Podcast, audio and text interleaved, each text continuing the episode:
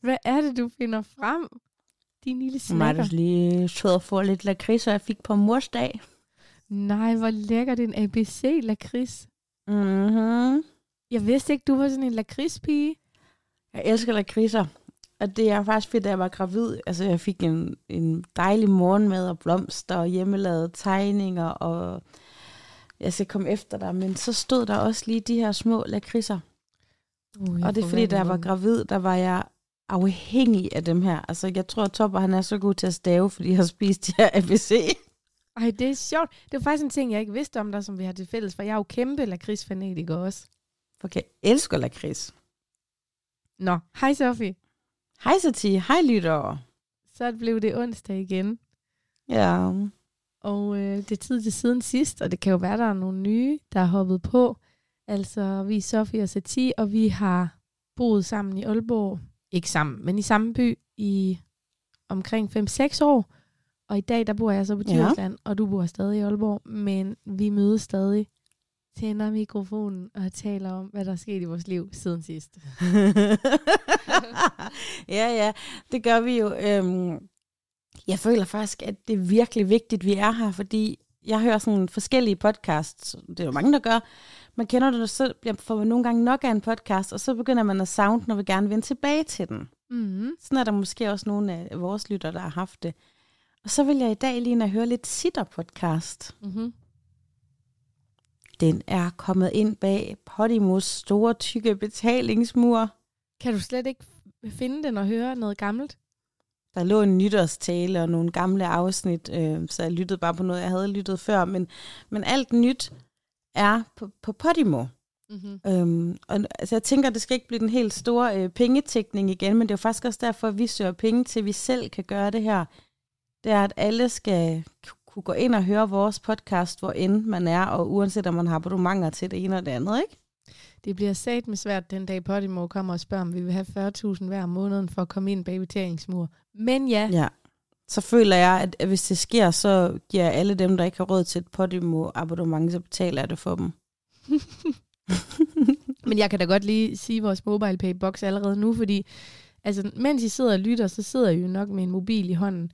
Så hvis I har lyst til at donere et valgfrit beløb undervejs, så kan du donere til siden sidst pigerne ved at overføre penge til MobilePay Box 2640 EY, og det er Erik og yoghurt. Og det er altså, der er ikke nogen herinde, der griner af jer, hvis der vidderligt bare tigger små 4 kroner ind i boksen. Har du aldrig haft den der tanke om, jeg havde den meget, da jeg var barn, hvor man sådan sidder og tænker, okay, hvis alle mennesker i Danmark, de bare gav mig en krone eller en 50 øre. Ja. Jeg tror selv de fattigste mennesker vil næsten kunne skaffe en 50 øre til mig ved at sælge en flaske eller et eller andet, så kunne de beholde den ene krone eller en halv krone, og jeg kunne få den anden. Prøv at tænke, hvis alle mennesker gjorde det, og jeg er jo mega dårlig til at regne, ikke? Så jeg tænkte altid, hvis vi så først gør det til mig, så gør vi det til den næste, og så kan vi bare alle sammen blive sygt rige, men jeg havde selvfølgelig ikke lige tænkt, at så skulle alle jo også give 5 millioner indkroner ud. Men Det er noget vild filosofi, du har gang i der. Men jeg vil sige Ja. til lytterne, at vi kan jo lave et eksperiment lige nu. Fordi hvis vi bare fik en krone fra alle, der lyttede med hver måned, jamen så vil vores økonomi se helt anderledes ud. Så hvis I er med på det her filosofiske eksperiment, så send en krone lige nu til den mobile pay box. jeg, jeg, gør, jeg gør det fandme lige selv. Du gør det fandme lige selv. øh, prøv lige, jeg skal bare lige nemme mobile pay. Jeg kan lige freestyle imens. Jeg er så træt af min stemme lige nu. Det er fjerde eller femte dag, jeg har den her sådan lidt, øh, har røget for mange cigaretter og været ude at feste stemme, og det er egentlig bare på grund af sommerens komme. Det er en sen forårsforkølelse, og så er det alle de der allergier, der kommer op øh, om sommeren, eller det er jo ikke, hvad hedder det, pollen? Det er pollen. Hov, og jeg vil- kode. Jeg vil så gerne have en god stemme i dag, fordi jeg skulle lave siden sidst. Jeg skal til forældresamtale, og jeg skal optage et vigtigt, en vigtig episode i Underfladisk podcast, men altså, den gider ikke gå væk, den her stemme. Og der er også noget sexet over den, men det er bare Du lidt lyder træls. fucking sexet. Jeg elsker faktisk, når min forkølelse er lige sådan på det aller sidste ved at gå væk, så, så lyder man sådan lidt ekstra sexet. Ja. Okay, sig det lige igen, hvad det, boksen er. 2640 EY. 26, 40, E som Ella, Y som yoghurt, sagde du, eller hvad sagde du? Ja, lige præcis. Ja, siden sidst, ja, ja. Jeg sender en krone nu. Se om den dukker op. Ups.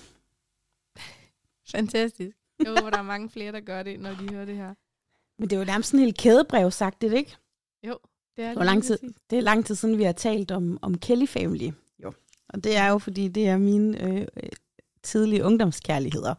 Og der var der jo, det var på det tidspunkt, hvor man jo ikke havde internet, som nu er stadigvæk sendt breve. Og så var der sådan noget Kelly Family, øh, man samlede, eller jo, det var en stor ting blandt Kelly-fansene at samle på fotos af Kelly'erne. Og så var der kædebreve. Og så, altså, og det var faktisk eneste gang, jeg var sådan virkelig med et kædebrev, og min mor, hun sad og hjalp mig, og jeg tror, vi kopierede noget ind og skrev det, og skrev den øverste ud af listen, sendte billeder til hende, som man skulle, skrev mig ind på, og så gik der måske sådan 4-5 måneder, og så væltede det bare ind med breve i postkassen fyldt med Kelly Family billeder. Wow. Det var helt magisk. Der var noget vildt romantisk over det der pinde ven. Ja, ja, man var lige med det den. med Windy. Windy-bladet. Har- Har du indrykket en annonce vidt lidt? Det kan jeg ikke huske, om jeg har, men jeg har i hvert fald siddet og læst med i de der annoncer der, og ja, jo, jeg har sgu sendt pindebrev, eller pindeven brev før. Kædebrev. Kan, kan du huske, hvad der sådan, når folk, jeg kan meget tydeligt huske, hvad der stod i de her annoncer. Du ved sådan, jeg er en glad pige på 11 år, der elsker Anders Sandblad og heste og bla bla bla.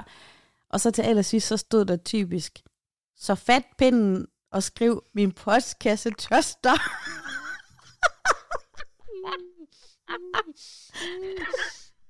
Åh, oh, en sætning, der vidderligt ikke har været i min hjerne i, i, i 20 år. så fat pinden og skriv min postkasse tørster. det var så sygt. Og så når man først havde fået de der pennevenner, så var der også en ting, jeg, jeg gjorde det, men jeg har selvfølgelig kopieret det fra en eller anden, jeg synes, der var sej, og det var at skrive uden på brevet, løb lille postmand, Maria venter brev, eller sådan. Et lille cue til postmanden. Ja, ej, Oh ja. Men der var lige frem det værste, undskyld. det kan jeg huske. Hvad? Nej, jeg skulle lige til at en jingle på, men det var forsinkelse. Du kommer Undskyld, ja, men øh, så siger jeg lige det her. Men det var faktisk, øh, jeg ved ikke, hvorfor jeg kom ind på det her pindeven noget. Det var, det var ikke lige noget, jeg havde planlagt. Men min mor og Michael, de var nærmest bekymrede, fordi jeg, var, jeg begik jo svindel allerede dengang. Ej. Bare. og det var, at blandt de her Kelly-fans, fordi det var dengang øh, frimærker, de kostede 3,75. Man Mhm. sendte jo mange breve. Mhm. Og så var der sådan et trick med, at man limede øhm, sit øh, frimærke. Du limede ovenpå det. Og så skrev man i de her breve, stamp back please, fordi man skulle have sit frimærke tilbage. What? Fordi så kunne man vaske sit lille frimærke, fordi limen blev vasket af. Hvor stemplet jo sad, og så kunne man bruge sit frimærke igen og igen og igen og igen. Stamp back, please. Yes. Det var et sidespor, dem elsker vi her i siden sidst, og dem skal der være plads til. Men man kan sige, at konceptet i vores podcast er jo egentlig bare, at vi fortæller hinanden de sjove ting, de mærkelige ting, de fucked up ting, der er sket i vores liv siden sidst. Og det, der er så sjovt ved det her sammenfald på den dag, vi optager i dag, det er, du har lige været til forældresamtale, og Yes. jeg skal til forældresamtale nu. Og det er jo også, øh, altså vi startede jo på den, øh, fordi vi gerne både havde lyst til at producere noget sammen, og lyst til at lave noget sjovt sammen, og vi havde lyst til en, en lille morpause. Og fordi at øh, vi gerne vil lære hinanden lidt bedre at kende. Og, øh, og mange af tingene er jo opfyldt, fordi vi kender hinanden meget bedre nu, selvom du åbenbart ikke vidste, at jeg utrolig godt kan lide lakrids. Men vi havde jo små børn, da vi startede. Ikke? Der var det mere sådan noget med, åh, hvordan og skal starte i børnehave, og, åh, og, og nu har vi jo skolebørn. Mm. Og jeg har været til min første skolehjemsamtale i dag, hvor at jeg havde, øh, eller vi havde topper med. Vi har været til en samtale før, men det var uden barn. Men i dag, der var det virkelig den der varme stol, hvor man står og venter med mor og far, og, og så går ind og sætter sig. Og det gik mega godt. Prøv at overveje, hvor meget de lærer, de har forberedt sig, fordi nu kom formanden for alt. Jeg optager hjemme. Jeg synes, jeg lige kigge, for jeg hører den lyd. Kender du det? Prøv at overveje, hvis jeg lige om lidt ser en mand med en kniv bagved dig. Ej, stop. Shit, shit, shit. er det Åh, Buddha? oh, det er bare... hvor- Nej. Ah, Det er bare vores espresso-maskine. Den har det med at sådan lige køre, den har jo masser af bønner. Men jeg hørte bare lige sådan lidt hammeragtig lyd, synes jeg. Og jeg er normalt ikke bange herhjemme overhovedet, men det er faktisk fordi, når man lukker sig ind i de her... Øhm, Ja. Vi har jo begge to nogle overordentligt gode øh, høretelefoner, Mm. som er sådan nogle, der lukker fuldstændig for lyden. Ja, det er Ej, lidt jeg scary. får bange der. Uha, shit, mand. Ui, ui, ui. Altså, hvis Nå. der skete noget, så havde vi noget godt content. Og det er jo filmet, så du har altså first hand øh, video material. Okay, hvad, hvad hvis der kom en mand ind med sådan en, en, en baseballkylde? Hvad vil du gøre? og sådan en maske. Hvad jeg vil gøre? Jeg tror, jeg vil hæve lidt penge på min firma. Nej, jeg vil... Jamen, det, det er en lang snak, det her, som kommer væk fra skolesamtalen, men jeg være virkelig bange. Altså, den uhyggeligste historie, jeg kender, jeg ved godt, det er en vandrehistorie, men det er den der med, at øhm, jeg tror, det er et ægtepar, som kører i to forskellige biler. Ej, Og lige så begynder manden bagved, at bare ved at græde, når jeg siger historien, for den er så fucking uhyggelig, synes ej, jeg. ej, jeg kan ikke klare Og så der med, så begynder manden at blinke og dytte, og hun er bare sådan, hvad sker der, hvad sker der? Og så er det fordi, han lige pludselig ser en skikkelse mere i bilen. Nej. I hendes Jo. bil. De kører i hver, de kører i hver sin bil. Han ved, hun er alene, han er alene. Og han kører bag ved hende, og lige så ser han bare en mand sidde på bagsædet. Ej, det er Nej. så uhyggeligt. Ej, jeg har sådan nogle øh, podcast-gardiner her på min side. Jeg kan lige vise dem til dig. De der. Ui, det er, Nu bare, føler jeg bare, der kan stå en mand der. Ej. det er faktisk ikke, fordi jeg rigtig græder, men det er sådan en ting, hver gang jeg siger noget meget uhyggeligt, så får jeg tårer i øjnene. Oh. Da jeg gik på friskole, fortalte jeg, alt- fortalte jeg altid gyserhistorier. Når jeg så fortalte dem, så fik jeg tårer i øjnene, og det er virkelig ikke sådan en græde ting. Det er fordi, jeg bliver så bange, så begynder mine øjne at løbe i vand. Huha. Nå, okay. Øhm, tilbage til Vesterkædes øh, forældre samtale. Ja. Var du lige så angst for det inden, som jeg er nu? Jeg var ikke mega angst, men det kunne jeg se, Topper han faktisk var. Trods at han mega sød dreng og ikke sådan har lavet noget, men han var nervøs. Og så sad det faktisk også lidt i mig, at øhm, jeg selv har været til mange ikke så positive øh, forældrekonsultationer, som det hed mm. dengang, skolehjemsamtaler. Og jeg tror, jeg kunne sådan, og Lars tale lidt om det bagefter, fordi jeg fik altid at vide det der med, Sofie er en sød pige, Sofie er sjov, Sofie ved mange ting, men hun skal holde sin mund, hun skal række fingeren op, hun forstyrrer de andre. Altså sådan, Oh. øh, Sofie har ikke lavet lektier eller et eller andet, ikke? Du ved, så det der med at sådan sidde og få ondt i maven over sig selv, øh, jeg tror selv, at jeg er nogle gange sådan mega nazi med, at du ved, alt skal være spidset i Toppers penalhus. Altså hvis vi bare har glemt en biblioteksbog eller sådan noget. Jeg, jeg freaker lidt indvendigt. Og jeg tror, det er, fordi jeg er så bange for, at det ikke er rigtigt. Fordi jeg måske nogle gange... Ja, igen, det, det kan blive nogle lange snakke der, men det behøver det ikke. Men altså det der med at være en lidt sådan spraglet person i hjernen, som jeg er, har måske ikke... Øhm, jeg flyttede jo også fra folkeskole til friskole, ikke? Øhm, det kan jeg så godt forstå. Altså, jeg sidder og er skide bange. Jeg skal afsted alene, fordi Hisham kunne simpelthen ikke i dag, og vi plejer at gøre det sammen. Så jeg skal afsted alene, og så sammen med Aisha, ikke? Men det er jo heldigvis kun børnehaveklasse. Og jeg vil sige kæmpe shout-out til Toppers klasselærer Lone, som bare havde startet med at henvende sig faktisk til Topper, men med, hun har skrevet sådan noget ned, og en masse meget fine ting om ham, og øh, sådan ærlige ting, og så talte hun ikke om Topper, men til Topper, Ja. og med Topper. Det synes jeg var helt vildt fint, og så øhm, vil jeg da godt sige, at jeg fik sådan en bagefter, wow, Lars mand, vi, vi er fandme på rette kurs. Altså, nogle gange, når jeg freaker, om jeg, ej, jeg er aldrig bange for, at jeg ikke passer mine børn godt nok. Det gør jeg. Men du ved sådan, er det rigtigt, eller er vi for flyvske, eller læser jeg nok med ham, og alt det der. Og det fik bare sådan bekræftet i dag. De sagde bare, I er så, altså I nærmest eksemplariske forældre. Han er så rar at have i klassen, og han er, han er nysgerrig, og han kan forstå en kollektiv besked, og der var bare ros, ros, ros, og nogle af de ting, hvor jeg sådan har været, er han god nok til det? Og ikke fordi jeg ikke synes, Top er god nok, men er han god nok til det, undskyld mig, fucking kassesamfund, som vi bare begiver os længere og længere ind i, ikke? Mm. Det, det mestrer han åbenbart. Så det var virkelig dejligt, og Top, han var bare så god til at tage imod. Han sad og fik de der ting at vide, og han kiggede læreren lige i øjnene og lyttede, og nikket, og ligesom sådan en, der får holdt en tale, der bare er super god til at tage imod. Det var min Nå. lille sønnemand. Fantastisk. Så det var Ja. en god oplevelse. Det var faktisk en god oplevelse, og jeg er så taknemmelig for det, fordi der kan jo godt komme noget på et andet tidspunkt, men han har allerede ro i maven nu til at vide til næste gang, hvad det her det er. Ja. Sagde så også læreren, jeg tror også på en måde hun kom til at tælle lidt over sig, men det var jo menneskeligt. Så sagde hun, I har jo virkelig en dejlig dreng, og det kan I være stolte af. Så sagde hun, for det kan vi jo ikke sige om alle. Ej. Åh oh, gud. Og man ved jo godt, hvad hun mener, men man har bare, men hun er jo også bare et menneske, men du ved. Det kan man jo ikke sige om alle. Jamen, jeg tror da, hun er god ved alle børn, fordi hun er en super god lærer, men Mm. det er da ikke alle, der er rare at have inde i en klasse, to be honest. Nej, nej, det er det da ikke. Og nok heller ikke rart for alle at være inde i en klasse. Nej, overhovedet ikke. Nå, men hvorfor er du nervøs?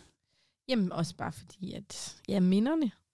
Hvordan var din? Hvordan, øh, Jamen, jeg har Husker bare du det? haft, øh, undskyld mig, men jeg har bare haft en forfærdelig klasselærer i mange, mange år. En, som blandt andet ja, mobbede mig og nogle andre. Hun havde favoritter, hun havde folk, som hun ikke kunne lide. Hun gjorde de vildeste ting, sådan noget med, at alle skulle læse op i klassen, og så sprang hun over dem, hun ikke kunne lide. Og, Ej. og det havde jeg bare i mange år, så jeg har bare siddet i sådan et fake teater skuespil rigtig mange gange til skolehjemsamtale, hvor hun har siddet og pretended, at hun godt kunne lide mig, og jeg var dygtig. Og, så der er Og så er det også svært som barn at ko- komme igennem til sine forældre, hvis de nu har siddet og kigget hende i øjnene, ikke? Og været sådan, Lige præcis.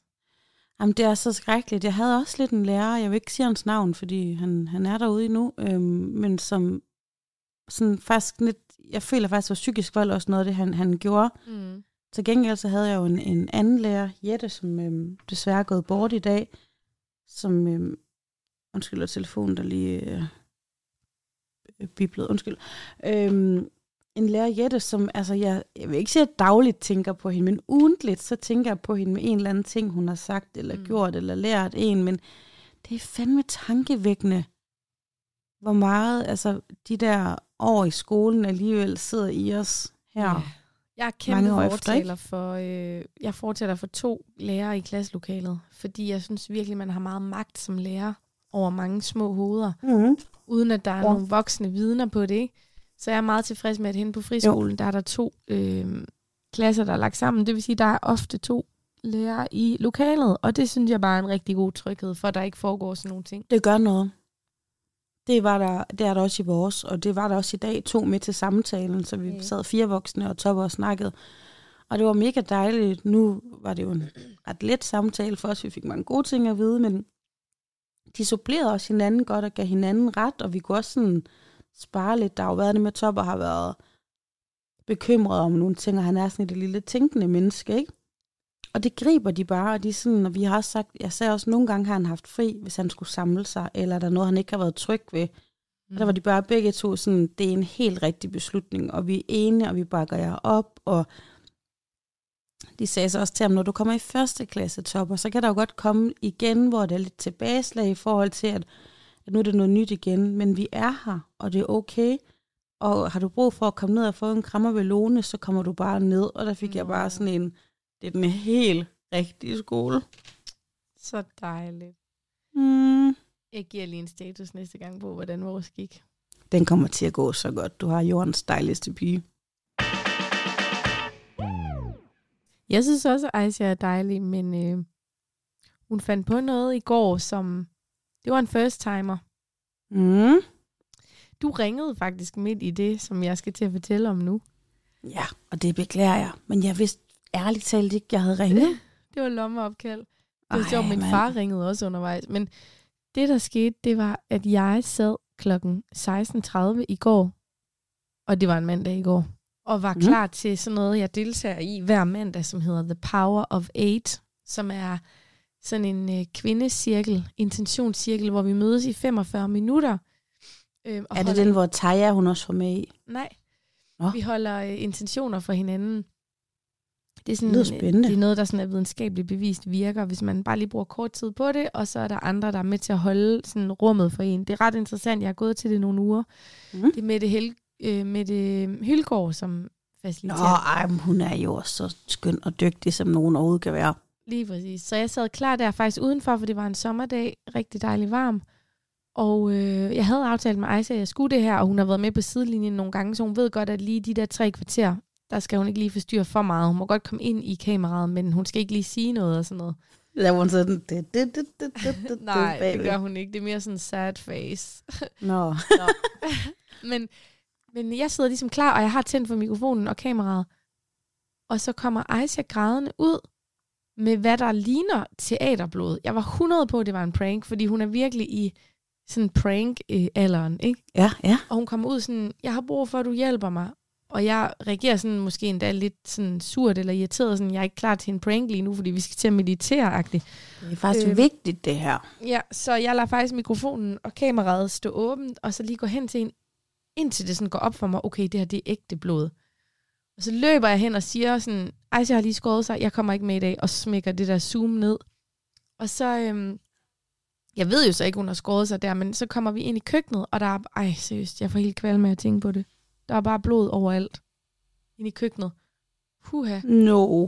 Ja, og så... Øh, og der går lang tid før hun faktisk siger, hvorfor hun har skåret sig, fordi hun vil gemme det. Så hun har allerede prøvet selv at tage plaster på, inden hun kom ud til mig. Ej, faktisk- lille og hun vil Aisha. faktisk ikke sige, hvad der er sket, så der går faktisk ret lang tid, før jeg finder ud af, at hun har taget en kæmpe stor rund melon og en kæmpe stor køkkenkniv og vil skære den op. Så det vælter ud med blod af hendes tommelfinger, altså som sådan et fucking springvand. Altså det var så voldsomt. Øhm, så, Ej. så jeg tager bare øh, hendes finger ind under den kolde hane, og får ikke sådan rigtig orienteret mig i, hvor dybt det er. Både fordi jeg selv er ved at gå i gulvet over det, men også fordi jeg bare skal have den bundet ind. Og Hisja, Ja, han for er jo satan. altså han er jo så episk. Han har jo så mange ting, så jeg får ud i hans medicinskab, og så fandt jeg noget bandage, og bare rappede og rappede og rappede, rappede, rappede, sådan at hendes tommelfinger blev kæmpestor øh, med det her bandage, ikke? Ja. Og så er det, Ej, jeg, jeg får helt, jeg kan slet ikke, jeg tænker, at høre om sådan noget, jeg får så ondt i maven. Puh. Ja. Og jeg panikker, fordi jeg ærligt talt, jeg ved, jeg ved ikke, hvor dybt det er, men jeg kan bare se, at der er blod overalt, og Ejse, hun er så sej, og jeg bare sådan, gør det Ja. ondt? Nej, det gør ikke ondt. Jo, nu gør det ondt, og ej. Og så det, jeg så gør, det er, at jeg ringer til Hisham som det første, og siger til ham, at han skal komme hjem. Han er i Aarhus, ja. Ja. og siger, at jeg er på vej til at ringe til skadestuen, og smækker på igen, og Ja. så ringer jeg, øh, eller så sætter jeg Ejse foran en skærm, og vi tager ligesom armen op, sådan at du ved, det der med, at den skal være over hjertet. Yes. Åh, du holdt alligevel hovedet ret koldt, vil jeg sige. Ja, ja, ja, ja. Og så går jeg faktisk over til min nabo, helt hvid i hovedet, og jeg er sådan, Gitte, jeg panikker lige nu. Jeg ved ikke, om I, der er nogen af jer herovre, der er gode til blod, men jeg har brug for hjælp. Og hun er nemlig gamle børnehaveklasselærer. Øh, så hun smider alt, hvad hun har i hænderne, og så mm. Ringer hun faktisk med det samme til sin veninde her i Gærel, som er gammel akutsygeplejerske. Wow. Og samtidig med, at, øh, at Gitte ligesom taler med Aisha og prøver at berolige hende, der har jeg ringet op til skadestuen og var nummer 32 i køen. Og da jeg så er nummer 1, Ej, for helvede. ja, da jeg er nummer 1 og har fået fat i en læge, som gerne vil lave videokonsultation, der, øh, der kommer hende her sygeplejersken ind ad døren, så jeg når ikke engang at hilse på hende. Hun går direkte i gang med at tale med lægen over telefonen. Ret vildt. Okay. Og, så, og så åbner hun den her bandage op, og jeg, jeg kan ikke engang kigge på det, fordi den er fuldstændig bl- blodig. Og så Nej, nej, nej, nej, nej, nej. Ja, undskyld lytter, trigger warning. Så konsulterer hun ligesom med lægen omkring, om den skal syes eller limes. Og hun øh, har alt det ja. Rette udstyr, fordi det havde min nabo, og så ender hun med at tape Aisha sammen med sådan noget hudtape, øh, og siger til lægen, at hun. Ja. ikke skal syes. Ej, men synes, det var episk. Alt det her, det foregik på 45 minutter. Fra den der kvindecirkel startede, og jeg løber, og til den sluttede, der er alt det her sket, og akutsygeplejersken er gået igen. Wow. Det var så vanvittigt, Sofie, og der var blod overalt, og min puls Nej, var nej, så høj. nej. Synes, jeg, jeg, jeg, jeg føler, det kunne have været gået fuldstændig galt. Det, det kunne det jo også. Men altså, trods at det selvfølgelig er mega ulykkeligt og en oplevelse helst ville være for uden, var der sikkert også et eller andet fuldstændig fantastisk i at mærke, at den der lille by, det som du faktisk har søgt, den greb der, og I var der, I var der for hinanden, og altså folk smider, hvad de har i hænderne, så er de der bare. Ja. Var det ikke? Og, og det var bare Vidunderligt. første gang, at den der pensionerede sygeplejerske havde været ude på den måde. Hun har åbenbart pakket rigtig mange børns fingre og knæ og alt muligt ind. Hun er bare ligesom hende der i gamle dage, man ringede efter, når man skulle, øh, skulle føde. Ja, ja. Så hun bare hende. Jeg elsker wow. Wow. min genboer. Vi skylder dem en kæmpe stor middag, fordi de hjælper altid og smider alt, hvad de har i hænderne. Og, jeg, og hun, det sidste, hun sagde min nabo, det var, at du er okay, fordi jeg svæver. Jeg var så tæt på at besvime, og det var ikke engang Ja. mig, der havde skåret mig. Men det er også vildt. Øh, hvordan har du det generelt med blod? Har du det svært med det, eller kun svært, når det er dit barn? Mm. Jeg, det, jeg tror, jeg har det svært med det.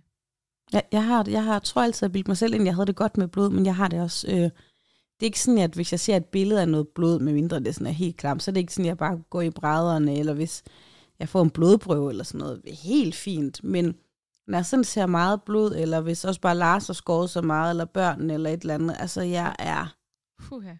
helt, altså jeg kan slet ikke have det, men det er også lidt vildt med de der børn, ikke? Fordi at selvfølgelig har Ejsa på, at der skærer en vandmelon op, fordi hun bliver så stor nu, og selvhjulpen og handlekraftig, og tænker, den negler jeg der lige, ikke? Ja. Men lige en vandmelon måske voldsomt En nok endnu. helt rund, kæmpe vandmelon, og så bare to køkkenknive, og jeg svæver, jeg var så sur på de knive, jeg var lige ved at smide dem ud. Og ved du hvad, vandmelonen, den ligger i skammekrogen sammen med løgene nede i køleskabet. Ja. Men, men altså, se det fra den, på, den, altså på, det, på, på den pædagogiske lyse måde, så er det jo fordi, at hun vokser lige nu, Ja. og kan mestre meget mere, og tænker, min mor, hun sidder her, hun er Ja. ved at optage, jeg vil ikke forstyrre hende, jeg vil bare vise hende, at jeg faktisk selv kan tage vandmelon, og så Ja. gik det jo så desværre lige galt. Ja. Men, og hun sagde Men hun "Jeg er sgu det en god lille igen. pige. Åh, Jeg gør ja. det aldrig igen. Nå, Oh my god, det var virkelig... men det det, var, jeg tænker også lige to knive, hvad, hvad var teknikken bag det? Jamen, den ene virkede nok ikke ordentligt. Ej, hun har aldrig nogensinde Nå, taget en kniv det- fra de der magneter før. Aldrig. Nej, der var også heller ikke. Åh, ja, så kom far hjem Pyha, med jamen, øhm, gaver, og, ja, og nu er den helt pakket ind og skal være i en uge. Og hun skal ikke til svømning, og hun var ikke til idræt i dag. Og det er også lidt spændende, men det var godt nok synd for hende, og det gjorde sådan, at hun fik også panodil. Det er virkelig synd. Altså, der er virkelig også nogle ting, når man, som vi tror jeg talte om øh, i en af de andre episoder, det der med at have en baby. Der er bare nogle ting, man ikke sådan... Altså, igen, når man bare går og drømmer om at trille rundt med en Imaljunga, så er der bare ikke nogen, der forestiller sig de her scenarier. Vel bare sådan, hvor vildt det også er, og hvor ondt i maven man kommer til at få, og... Ja, Og så kører den Puha. også bare efterfølgende, ikke også? Altså, det har virkelig knust mit hjerte, det der med, altså, der var blodspor rundt i hele huset, og så fandt jeg ud af, at jeg havde gjort alt rent. Så var der et håndklæde fyldt med blod, så hun har altså gjort det alene længe. Uh, det Ja, hun har prøvet. Ja, ej. Og så hun fordi hun sådan en vidste, at lille, nu sad du derude, ikke? Ja, så hun taget sådan en lille bitte løvernes kongeplaster og puttet på hendes helt åbne tommelfinger, og du ved, hun er ind på bandage. nej, nej. Ej, Lille heartbreaking. menneske. Og så begynder man at tænke sådan, så begynder Ja. man at tænke efterfølgende sådan, altså vi er jo begyndt at flirte lidt med, at hun selv kan gå hen i købmanden, og jeg kan selv gå hen til naboen eller et eller andet, mens hun er derhjemme. Prøv at overveje, hvis hun lige havde været Ja. alene hjemme den dag. Eller et eller andet. Prøv at høre, du rammer meget hovedet på sømmet med nogle tanker, jeg, jeg går med lige for tiden, og det er, at jeg ved godt, at jeg skal slippe mine børn, for de skal vokse og blive flyveklar og komme ud i verden på et eller andet tidspunkt. Men jeg er helt ærligt bange. Og det, ja, det er ikke noget sådan processer over på dem. Men som du siger, hvad nu hvis de falder og slår sig, når de er alene, og øhm, ja, og, og uheld kan jo ske, ikke? Og hvad fanden, altså, mm. Men jeg kan næsten ikke engang overskue, hvis min 16-årige stod sådan der, altså, Nej. hvis, hvis jeg havde en 16-årig, ikke? Altså, jeg, jeg synes, det er helt ærligt, og det er igen også de der tanker, man ikke gør sig en overvejelse, når man render og ærer på maven hver dag og tager billeder, og nu er baby fire uger gammel, nu er baby suttet på sin tommelshot. Ja, men lige så skal baby være alene hjemme og gå ud blandt store, farlige lastbiler. Jeg elsker din aversion mod babyer og graviditeter lige nu. Den er rimelig, den er til at tage at føle på. Jeg ved ikke, om det er, fordi jeg snart fylder 40. Har du inderst inde en drøm om at få en lille baby igen, eller hvad? Nej, øh, vi kan, øhm, nej, det har jeg faktisk ikke. Eller, jeg kan godt mærke, der er noget særligt i det der med at vide, at min mave ikke skal have en baby derinde igen, og at jeg ikke for eksempel skal amme med mine bryster, og, at, og den slags. Øhm, men jeg savner ikke at have en ny baby, men jeg, jeg savner mine babyer. Nå. Altså, jeg savner Kaja som baby, jeg savner Topper som baby.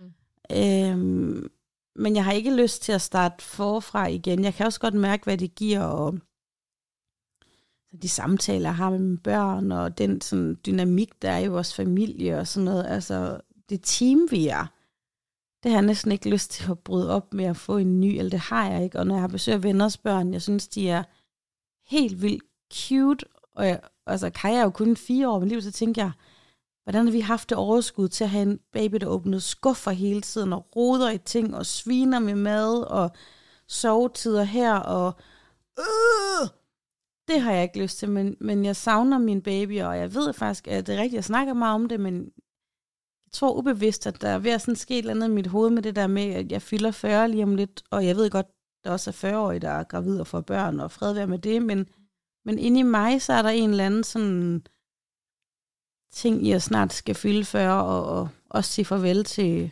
Det til kan jeg noget. godt forstå. Det er da en milepæl. Altså, det var Mhm. skræmmende for mig at opdage, der var en eller anden gang i løbet af det seneste år, hvor jeg sad med en lille bitte baby. Altså vidderligt, jeg var sådan lidt, tag den væk fra mig. Altså, Ja. og jeg har altid elsket børn, og passet mange børn, og alt sådan noget. Altid synes baby var nu. Ja. Men, men efter jeg er nået dertil, hvor at et af mine værste mareridt er at blive gravid, så er jeg sådan lidt med nyfødte sådan, øhm, nej tak. Jeg, jeg kan også godt mærke, at jeg kan holde dem, og jeg har også været ligesom dig, før jeg selv blev mor, og også mens min egen var meget små. Altså, alle babyer, altså, jeg cravede dem, og jeg vil holde dem, og jeg vil alt Ja. muligt. Altså, jeg, jeg tror egentlig, jeg, jeg føler mig mættet. Ja. Øh, og jeg, jeg har heller ikke sådan en drøm om at køre rundt med barnevogn med meget Lars med og sidde og amme på en café og sådan noget. Men det, det er vidderligt mine egne børn, som jeg savner. Bare sådan, hvis Nå. jeg kunne få en dag med dem som baby. Ja, ej, det får jeg også helt lyst til nu med lille mini Hisham. Altså alle de der babybilleder af Ja. Aisha, det er jo Hisham. Jeg er født Hisham. Ja. Det lyder lidt specielt, men, Ja. men ja. Ej, jeg synes godt nok, hun er begyndt at ligne dig meget på det sidste. Mm. Men det er Hun rigtigt. hun De der minibilleder, også sådan holdning og statur og sådan noget. Altså, ja. Lille Jamen, Misham. hendes tykke læge, Misham, hendes Hisham. fødder, hendes tyrenakke. Lille korte hår. Ej, hun er sgu dejlig. Og ja, børn er dejlige, men, men jeg kan faktisk ikke sige, at jeg føler mig øh, mættet. Men altså, Maja, min veninde, hun sagde engang til mig, øhm, ja, hun er også lidt din ven jo. Nå, men Maja, hun sagde engang, hun tror faktisk, uanset om man får et barn, eller to børn, eller ti børn, det øjeblik, man ved, at nu er det endegyldigt, så sker der et eller andet inde i en, og det, øhm, det gør der jo med andet end kun børn. Altså, altså hvis du også går fra en kæreste eller et eller andet, det øjeblik, selvom det er rigtigt, men det øjeblik, man ved, at noget er endegyldigt slut, så, så efterlader det måske et lille tomrum i en. ja, det gør det.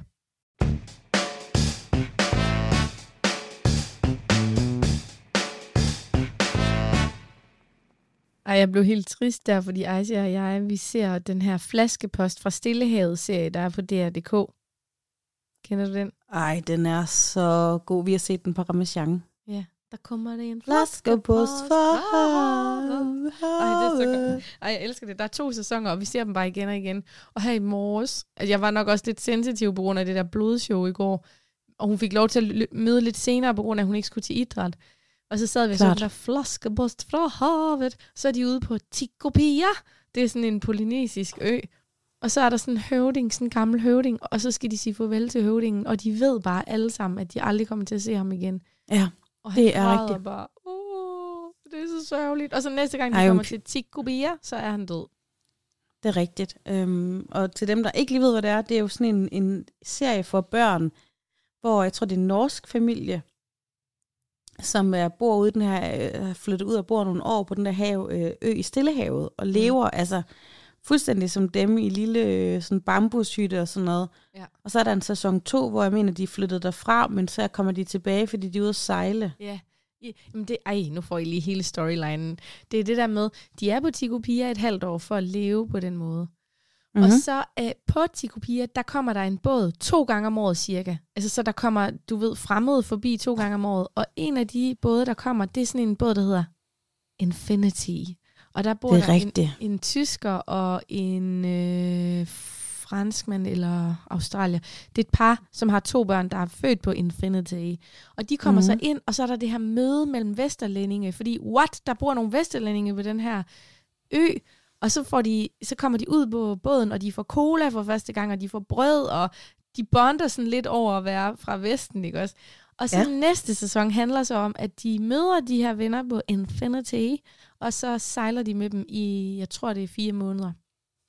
Ja, det er rigtigt. Og der er også nogen, der må stå af båden, fordi de simpelthen er for søsyge hele tiden. Det, det er helt sikkert mig, det der. Det er også en drøm, jeg har. Der er jo en fra Toppers klasse, der faktisk skal tage ud på sådan en sejlereventyr i, i tre år. Mor og far og to små børn, og det er helt vildt magisk, og jeg er sådan helt, åh, jeg vil også bare leve som på Havana. Det eneste, der blokerer mig fra det, okay, der, der er lidt mere end en ting, der blokerer mig, men det er, jeg, jeg er jo ikke så stærk. Nej. Og jeg, jeg er ikke maritim anlagt. Sådan noget med at stå ude i bølgerne og trække i et tog. Jeg er jo allerede angst bare ved tanken. Ja. Altså, jeg har været på sejlerferie i Thailand en gang. Det er 10 år siden. Og øh, altså, jeg følte, vi brugte halvdelen af den sejlerferie på at ligge og kaste op og have kvalme. Men altså, bare en tur til Oslo. Og, og i øvrigt, så har du og jeg en gave fra Thomas Pangev. Vi har et cruise med Oslo-båden, som man har givet os i gave. Gud, den skal vi da have brugt. Ja, vi skal lige have noget endnu bedre op til at udstyre, medmindre vi vil sidde med vores øh, kaster og mixersystem ude på Oslobåden, men Ej, vi, vi har jo vidderligt den her gave med. Og så laver vi en hey, Svein. Fra Oslo. Eller, eller det er ikke et Oslo. Jeg tror faktisk, det er et sådan Sverige cruise. I don't know, men... Uh, Whatever. Anyways, Take me somewhere. Nordic. Whatever. Jeg elsker, at vi Men hvorfor var det egentlig, båden, du... og så er vi sådan, er det ikke Oslo, det her? Oslo? øh, men tilbage til, hvorfor du egentlig blev lidt trist. Når du var da de skulle sige farvel til høvdingen. Yeah. Hey, måske, jeg kommer lige i tanke om, måske kan nogen af jer, der lytter med, hjælpe mig. For mega mange år siden, der så jeg noget på DR. Og det var lidt samme setup. Det var en mand, der kom fra en ø, som jeg har glemt, hvad hedder. Det havde hjulpet, hvis jeg kunne huske det. Det kan jeg ikke.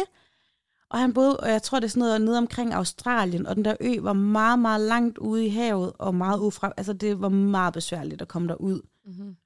Og han tog sig hjem, og var på den her lille ø, og der vidste han også, at det var sidste gang, han så hans mor, mens han var der, fordi det var så svært at komme derud, og når han mm. ville komme tilbage en gang, om mange år, så ville moren ikke være der. Mm. Og, det, og det var sådan meget barskt ude på den der ø, og også alligevel sindssygt smukt, og der er to grunde til, at jeg gerne vil øh, vide, hvad det er for en ø. Den ene er, at den er udsendelse, det er sådan, der er sat spor i mig, men jeg kan ikke huske den nok, og jeg bliver ved med at tænke over den, når ingen kan huske, hvad den hed.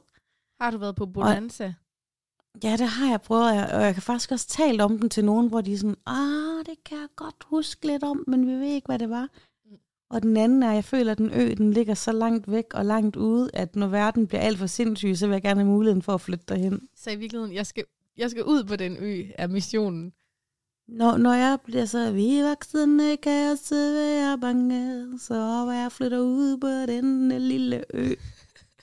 det tænker jeg også, hver gang jeg ser flaskebost fra havet. Så tænker jeg, der er der godt at være.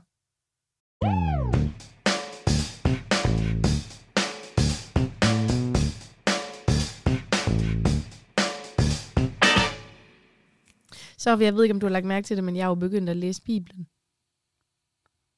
Det har jeg eddermame lagt mærke til. Og det er bare en kort historie der, for jeg ved, at vi skal også høre en, en vaskeægte siden sidst fra dig. Men jeg, jeg fik bare, jeg fik det bare virkelig dårligt forleden dag, da jeg læste de 10 bud. Ja. Fordi jeg føler, at jeg bryder mange af dem. Og ved du, hvad for en jeg bryder oftest? Ja. Det er sgu da du den ikke, med, man ikke Du må ikke stjæle. ja da. Ej, jeg var sådan, jeg, jeg genovervejede virkelig min kleptomani, da jeg læste de der 10 bud. Nej, men Altså, ved du hvad, Bibelen, den skal fortolkes, og den skal vendes, og den skal drejes, og det, man skal huske, den er skrevet i en anden tid, fordi er der nogen kristne, der ikke kan forstå Robin Hood? Det, det er lige præcis du. Øh, min mor siger altid, at det 11. bud, det er, at man må ikke udhule osten. det er en klassisk Connie, det der. Ej, jeg sagde mig det med en klassisk Connie. Øh, men altså, Bibelen den kan være et godt redskab, men vi skal stadigvæk huske at tænke på den. Prøv bare du ser en Morten Kork-film, så er du sådan, den er forældet, deres syn på kvinder, deres alt muligt. Bibelen er mig bekendt skrevet et par år før en Morten Kork-film. Øh, jeg elsker bare din tidsregning. Det er sådan, vi har Morten Kork-værket her, og så har vi Bibelen her, og så kan man lige, ja. Ja, men det var også en dårlig samling, men jeg havde Nej, ikke noget at tænke. Øh, jeg havde ikke tænkt godt nok over, så den blev, så den blev mere filosofisk end de røde heste, jeg eller hvad det var. Sindssygt god. Nå, men okay. du har også oplevet noget vildt. Jeg har en historie her, og jeg, jeg, jeg føler, jeg er allerede på forhånd, jeg ved godt, man ikke skal tælle noget ned, men jeg kan ikke engang forklare den, så den bliver så vild inde i kroppen, som den føltes for mig, da jeg oplevede det. Men jeg har været øh, på, på en bar. Ja. Øhm, så det er jo ikke noget specielt i, når det, vi taler om mig. Men jeg var ude på en bar med en veninde og hendes mor. Mm. Og så øh, var det lidt kedeligt, for der var fodboldkamp, og så tænkte vi, nu går vi sgu hen for det her lille brune værtshus i Aalborg, Victoria, som er et sted, hvor man må ryge ind, og det, altså, du skal nærmest skære igennem luften, når man kommer derind, og det er meget brunt og sådan noget, men meget Aalborg legendarisk. Så tænkte vi, så går vi sgu derhen og lige få en øl til at slutte på. Mm-hmm. Og så er der ikke rigtig nogen sædepladser, og så sidder der sådan en kvinde, hun er nok, øhm, jeg ved faktisk godt, hvor gammel hun er, hun er 46 år. Mm-hmm. Og, øh, og hun sidder sådan helt glad og smiler sådan, kom her, og hun sidder og drikker øl og ryger smøger, kom her, I kan bare sidde her. Og så er jeg sådan, okay, øh, Chris, Helle, vi sætter os her og sådan noget, yes. Og, og Chris' mor, som bare er øh, helt vildt sød og dejlig og københavner, og altså, jeg er så vild med, med hendes mor. Hun er sådan, jeg kan også lige også et, et lille, vi fik små Galliano shots. Galliano shots. Og så køber hun et til, jeg køber også et til hende, for hun er så sød. Og vi når at sætte os. Og hun er helt smilende, indtil hun lige kigger på os og siger, I skal bare vide en ting, I skal ikke snakke til mig. Nej. Nå, okay. Jeg hader kvinder. Og først så var sådan, god humor. Indtil jeg bare lige fandt ud af, at det var ikke, hun var ikke sjov. Hun mente det. Shit. Jeg hader kvinder. I kan godt sidde her, men du rører ikke mit net. Du rører ikke mit net. Kigger hun på mig og siger sådan, det, det, det, det skal nok lade være med. Og alligevel er hun nysgerrig. Hvad, hvad, har du da i nettet? så siger hun, en guld til senere. Nej. Så sådan, okay, men jeg skal nok lade være med at røre din gu- guldøl til, til senere. Og hvornår så kommer Galliano-shottet? Galliano. Jamen, vi starter med, jeg kan heller ikke finde ud af, om man siger Galliano eller Galliano. Det er nok, om man er artsy eller fartsy. Men øhm, så, øhm, så siger jeg sådan, vi skal, vil du have shottet? Sådan, ja, så tager hun, for det er varmt. Jeg kan ikke lide varme ting. Åh, du kan bare lade være med at drikke det, hvis du vil. og så er hun sådan, føj. Nej, det kan jeg fandme godt nok ikke lide. Føj. Og vi er sådan, det, det, det er okay. og så på et eller andet tidspunkt, så siger hun, ej, jeg har godt nok fortrudt, de sidder her. Ej, ej. Jeg, jeg, jeg har fortrudt, de sidder her. Og jeg kan bare mærke, du ved, jeg har jo de her overudviklede antenner. Jeg kan mærke, det her, det, det bliver, jeg, jeg er bange. Jeg er decideret bange. Jeg, jeg er hjem. Men jeg er også bange for at flytte mig lidt ligesom en ulv. Du ved, du laver en hurtig bevægelse, og så ved du, nu vil ulven bare bide. Ja. Og sådan føler jeg også med hende her. Og jeg kan ikke sige hendes navn, fordi jeg er skulle lige være lidt bange, men lad os nu sige, hun hed... Okay, hun, lad os nu sige, hun hed Frikadelle. Mm-hmm så er der nogen, der siger frikadelle eller et eller andet, men så sådan, mine forældre, de er fra København, og mit navn skal udtales på en helt særlig måde. Du siger mit navn forkert. Og så prøver jeg sådan, frikadelle. Jeg hedder frikadelle.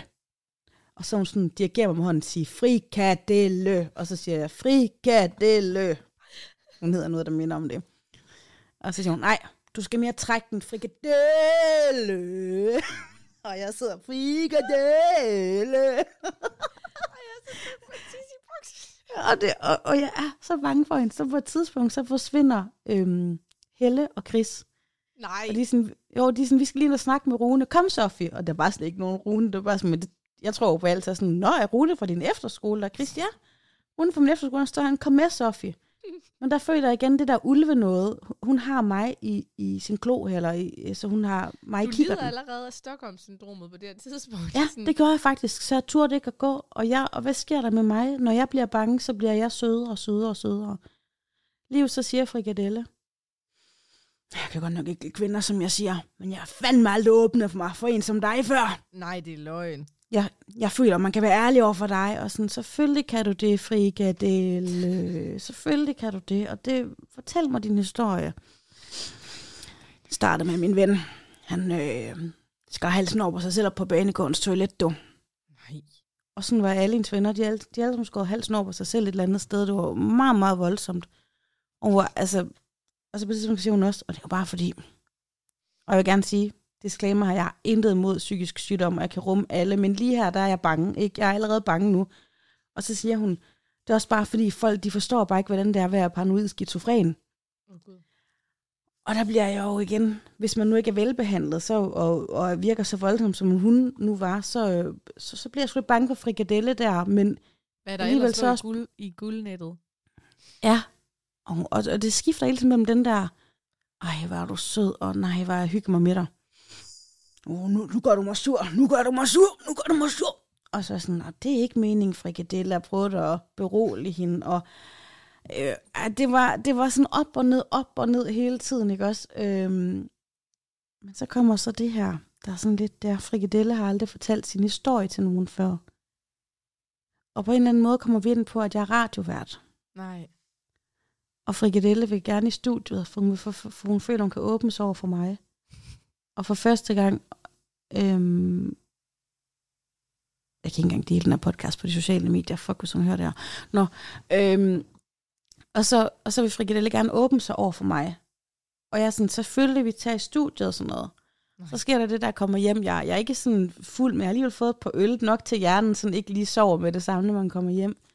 Og så kan jeg bare tænke, hvad så, når vi sidder deroppe i radiostudiet? Hvis Frikadelle, hun stikker mig ned. Og så Mhm. kan jeg ligge og tænke sådan nogle tanker om natten og blive helt bange, og for jeg har bare været sådan, selvfølgelig skal du det, og det vil jeg gerne, og din historie, og jeg, altså, og jeg vil egentlig gerne optage alle mulige slags historier af folk i studiet, men jeg begyndte bare at tænke, at jeg er nødt til en producer med i studiet den dag, jeg skal ikke Mhm. sidde der alene, fordi, ja, Men udvekslet i info. ja vi blev Facebook-venner. Er det rigtigt? Ja. Send mig et screenshot af frikadelle. Gammel er hun? 46. Nå ja, det var det, du sagde, ja. Så vi, Men du, er, du er altså en kæmpe pleaser, du er. Ja, jeg får meget. Du Men problemet er, dig selv i døden med et frikadelle nu. det var også det, jeg lige blev bange for, men nu lyder det her, der, der er mange mennesker, der ikke synes, jeg er rar. Det er så, eller mange, der, der er sikkert nogen, der ikke bryder sig om mig. Men problemet er, jeg er, jeg, jeg kan få nye venner hver eneste dag, hvis det skulle være. Og jeg ja. kan få folk, som kunne være mine nye bedste venner. Jeg har, jeg har ikke tid til at have så mange bedste venner, men det er faktisk generelt et stort problem for mig, at jeg får så mange nye venner. Mm. Jeg er så glad for mennesker. Du er som velcro.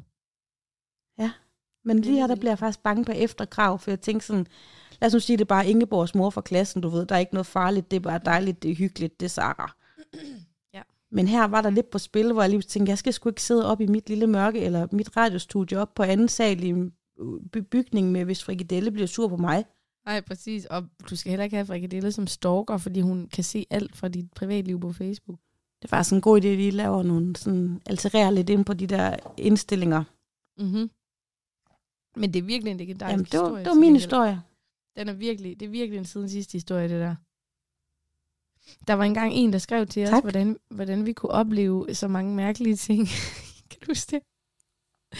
Der var en, der skrev til os, Jo, hvordan, kan hvordan, godt. kan du, hvordan kan I egentlig opleve så mange mærkelige ting på en uge?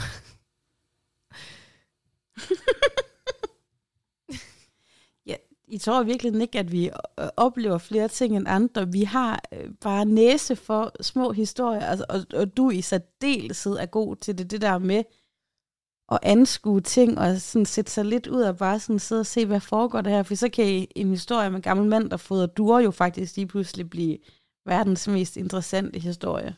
Jeg følte, da du leverede den her frikadelle-historie, der følte jeg nærmest, du kunne være stand-upper.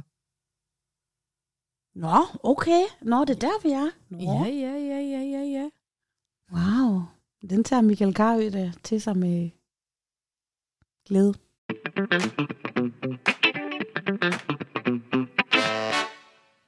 Sidste punkt på dagsordenen, inden Aisha og jeg, vi skal hen og grilles på friskolen. Det, Det er, skal I ikke. Nej, nej, men det er, at på fredag, der holder jeg et live show med min anden podcast, Underfladisk. Og der har du lovet mm-hmm. Mhm. at være hjælper, og det er jeg så glad for. Jamen, jeg er din runner den dag. Mm-hmm. Det er, altså det, er, det er blevet afholdt, når I lytter til den her episode, men øh, det er stadig en fælles oplevelse for mig og Sofie, og det er faktisk sjældent, at vi to mødes i Aarhus, så det er super hyggeligt, at vi skal hænge ud sammen i Aarhus. Det foregår ude på Aarhus Ø i sådan nogle badehuse, der er, og når man har sådan et badehus, så skal der være øh, øh, åbent hus en gang imellem, og derfor har jeg fået lov til at låne det, og så skal jeg jo have besøg af en af mine yndlingsinfluencer, Emma Martini. Mm. Jeg glæder mig virkelig til. Og jeg glæder mig også til at være lidt behind the scenes og se dig folde ud. Uh. Og så bare øhm, passe lidt ice og tage nogle billeder og lige sætte lidt ting og sager op og sådan følge med. Ja, og også det der med sponsoraterne, mm. det er jeg altså meget stolt over. Jeg har fået tre forskellige drikkevarer ja, sponsoreret. Ja, for den sejt. Mm. så der er lidt til enhver smag. Der er bobler fra... Øh, det var dig, der anbefalede det. Var det Andersen Winery, det hed? Yes. Ja. Øh, ude på, i Knebel på Djursland, der laver de sådan nogle lækre bobler, så dem får jeg nogle flasker af. Så er der kefir brus. Og de som, smager sindssygt godt, synes jeg. Jamen, det er godt. Så er der også det der kefir brus mm. op fra Aalborg. Og så er der Æbeltoft mm. Gårdbryggeri. De er alle sammen sponsoreret, så det skal jeg ikke bruge penge på. Det er så dejligt. Så, øh... Det er sindssygt. Hvis der, lige er, hvis der lige er en, der bliver nok ikke nogen i overskud, for jeg har fornemmelse af, at der kommer virkelig mange mennesker, men så skulle vi lige åbne en og skåle i øh, på potten. Ja, helt sikkert. Hvis der kommer noget til over, så gør vi det. Der, der er mange spændende ting i vente, men første, den første spændende ting, som, øh, som vi har på programmet, det er dit arrangement på fredag, og ellers så skal man jo bare hænge ved her på potten for at høre, hvad der er næste. Lige præcis, fordi vi skal faktisk noget rigtig, rigtig spændende i løbet af sommeren her, som vi vil opdatere jer på i næste uge. Yes. Og den her gang, der vi, går der ikke 14 dage, før vi er tilbage. Der går faktisk kun en uge, ikke? Ja, lige nu der klør vi altså på hver uge. Vi kan ikke love, det bliver ved sådan, men øh, det passede lige ind. Vi, vi prøver os frem så godt vi kan. Tak for, at I lytter med. Ja, tusind tak, hvis du har doneret et øh, valgfrit beløb til vores mobile paybox. Jeg skriver info i show notes. Og så vil jeg sige, følg os på Instagram. Der hedder vi Siden Sidst Podcast. Vi har Siden Sidst fællesskabet på Facebook, og ellers så kan du også finde vores private profiler på Instagram. Opturs outro. Jeg elsker den her musik. Tak for nu, Sofie. Jamen, ja, du lød lidt som fra en cirkus, den måde, du sagde det på, ligesom når Nelly Jane lige lukkede Pennywise ned. Fuck, ja, jeg elskede ja. det. Ja, ja, cirkus er slut nu.